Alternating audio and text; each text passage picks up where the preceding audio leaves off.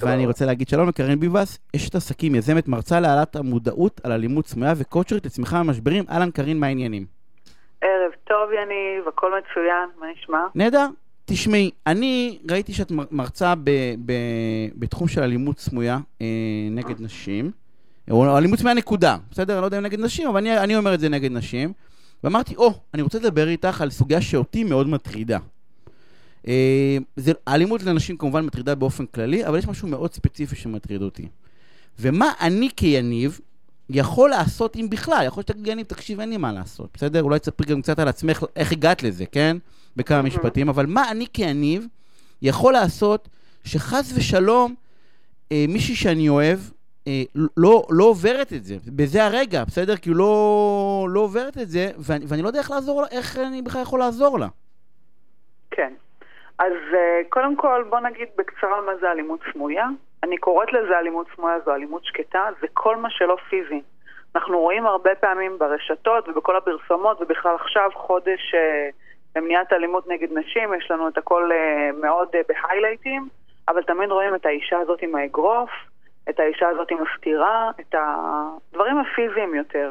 ובאמת, כששומעים אלימות, מניחים שגבר אלים, ואנחנו נדבר עכשיו על אלימות של אה, גברים אלימים כלפי נשים, אה, גבר אלים הוא זה שמכה ומרביץ ובאמת אה, הוא יותר אגרסיבי ותוקפני.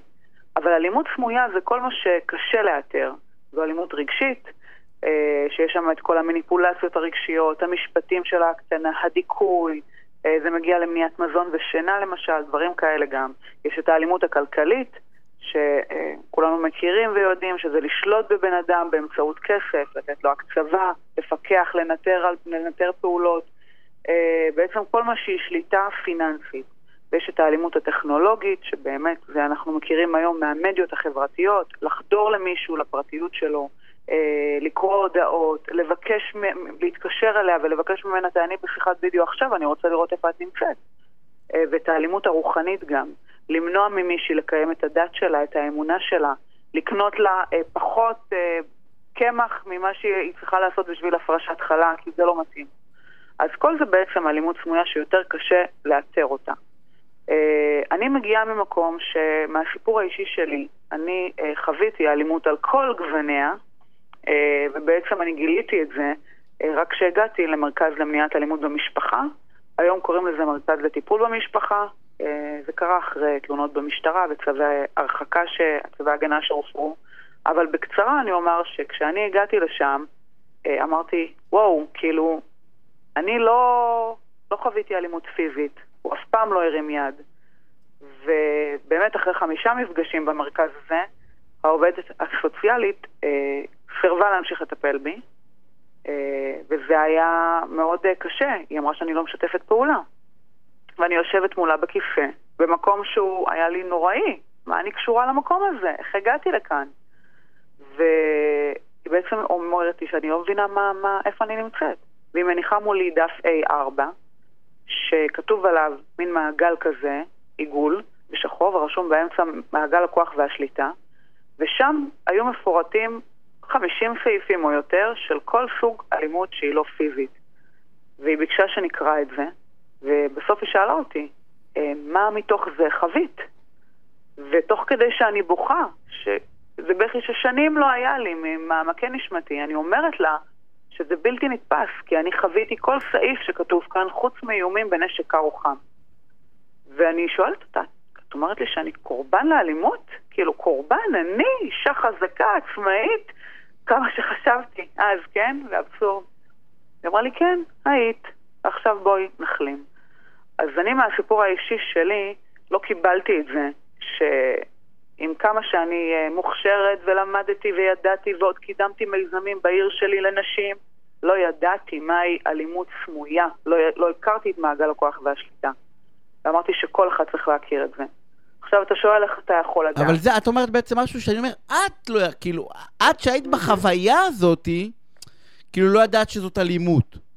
נכון. אז בעצם גם לא החצנת אותה, כאילו, לא החצנת את זה, כאילו לא באת, לצורך העניין, אם, אם לא הרגשת, ואתה אומר שגם אצל עובדת סוציאלית חמישה מפגשים, אז אני בא ואומר, אם יש מי שאני נורא נורא אוהב, אה, אה, חברה, אחות, ווטאבר, לא משנה מה, יש לי גיסים מדהימים כמובן, אבל אני בא ואומר, איך אני יודע שזה, שזה לא, כאילו, איך, איך אני אזהה את זה אם היא לא מזהה את זה? קודם כל צריך לדעת שכל אחת שעוברת אלימות, עם הזמן היא מתקהה. כמו ששואלים אותי, למה אישה ש... אה, למה נשים מוכות לא עוזבות?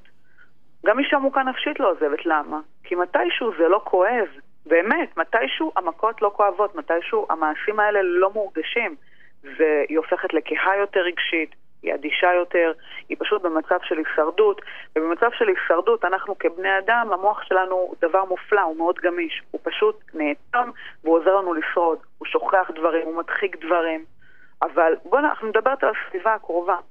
הסביבה הקרובה לפעמים אה, חוטאת ומחזירה את אותה אישה לאותה מלכודת במסווה של שלום בית וכל מיני דברים כאלה. אז אני אומרת, דבר ראשון, ידע זה כוח. לקרוא. אם מקלידים בגוגל מעגל הכוח והשליטה, לא צריך הרצאות מיוחדות לזה, לא צריך שום דבר. מפורט כל כך הרבה חומר מה זה באתרים של ויצו, באתרים של נעמת. אה, באמת, הקלדה הכי פשוטה של מהי אלימות סמויה, מהי אלימות רגשית, פירוט של כל כך הרבה מצבים.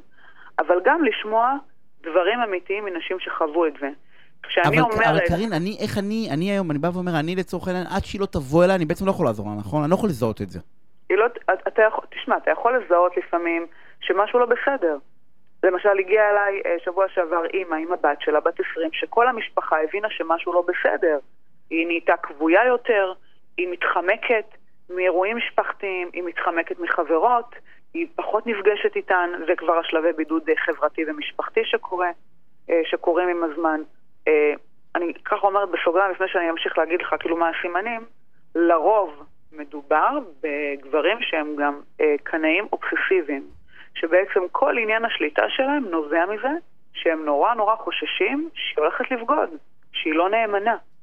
וכל אמצעי השליטה האלה זה להשאיר אותה, לשלוט, להיות בשליטה. הם, הם באמת במצוקה, הם לא באמת יכולים לשלוט בזה, אבל הם במצוקה, ומה שהם עושים, הם מפעילים עליה אלימות סמויה. אז קודם כל, הימנעות ממפגשים משפחתיים, רואים אותה פחות. ממפגשים חברתיים, פתאום החברות שלהם לא נמצאות, לא שומעים מהם, הן לא שומעות ממנה, היא מתנתקת. אה, היא כבויה. היא משקרת המון, כל מיני תירוצים לא הגיוניים כדי לכסות עליו. כמו שאני אומרת, ידע זה כוח, גם כשאתה יודע לתאר את הדברים האלה. סיטואציות שונות, אפשר לקלוט במבט שמשהו לא בסדר. אפשר לקלוט, אני הייתי במצב של הצגה. כאילו כולם מבחוץ ראו באמת אה, את האישה הזאת שהיא... אה, הבית יפה, הילדות מסודרות, הכל בסדר, אבל אני הייתי מתחזקת הצגה. עם הזמן הייתי חולה גם פיזית. כל מיני מחלות שחוזרות על עצמן. כאילו פתאום יש לה מלא מלא דלקות גרון, פתאום היא חלשה, כל הזמן היא חולה. יש המון המון סימנים קטנים שאם לוקחים אותם ביחד ומחברים אותם, רואים מצוקה אחת גדולה.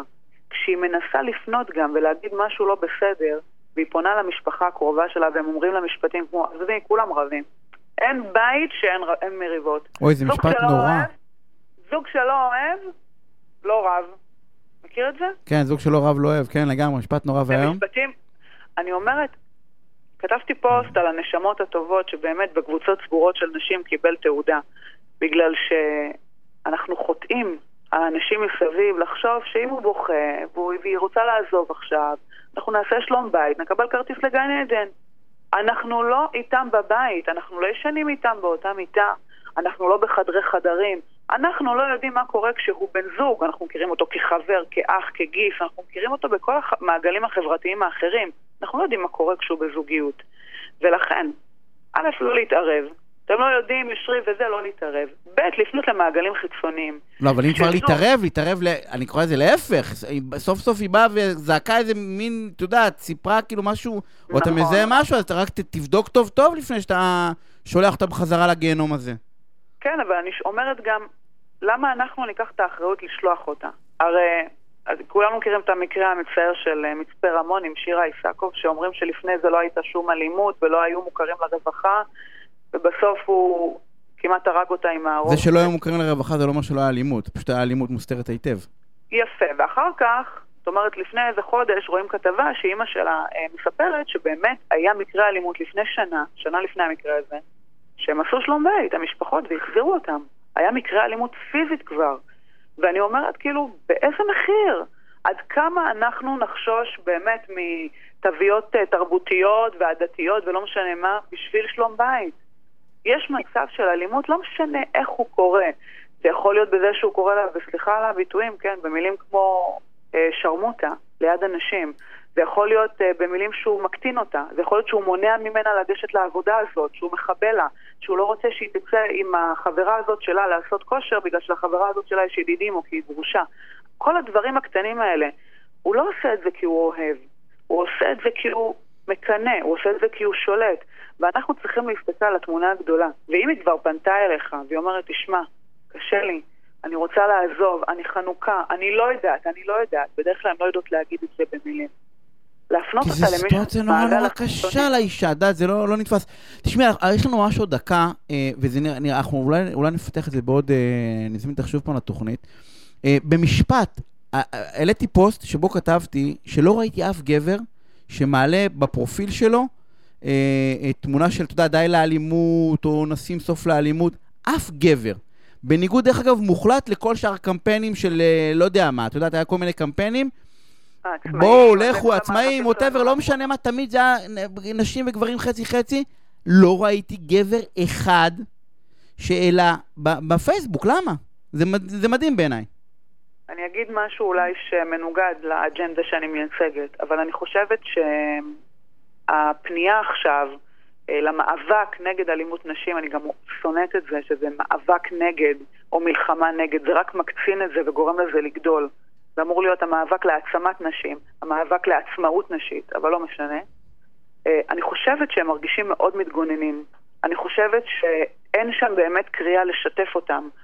זה לא שלהם באמת... כאילו. כן, כאילו אומרים להם... הם מקסימום האויב. כמה שתתרחק יותר מזה, לא יאשימו אותך. אף אחד לא יחפש אותך בציציות, וזה לא נכון, כי זה יכול להיות גם הבת שלו. ובסך הכל הרוב הגדול הוא שפוי. יש כאלה שלא יודעים. יש כאלה שלא יודעים, אולי הם עושים דברים בתמימות, אבל הם לא יודעים, הם לא חטאו באמת באלימות שהיא אה, קשה, או, אתה יודע, קנאות אובססיבית או פתולוגית שהיא מסוכנת מאוד. אבל אני אומרת, תפנו, יש לנו פה, אנחנו בסך הכל כולנו ביחד. בסוף ל, לילדה הזאת, לאישה הזאת, יש הורים, אבא ואימא. לא כל כן. גבר הוא גבר אלים, וככה נוצר... לא, לא שלא כל, רוב המוחלט הם לא. בוא, זה בדיוק הבעיה, שאני תמיד בא ואומר, אה, אה, ואמרת זה יפה, צריך להיות בעד, לא צריך להיות נגד. אה, אבל, אבל סתם זה נקודה למחשבה למה, למה לא הצליחו לגייס את הגברים ברשתות. אנחנו חייבים לסיים. קרין, תודה כן. רבה על הפינה סופר מעניינת אותי, אנחנו עושים הפסקת פרסומות קצרה וכבר חוזרים.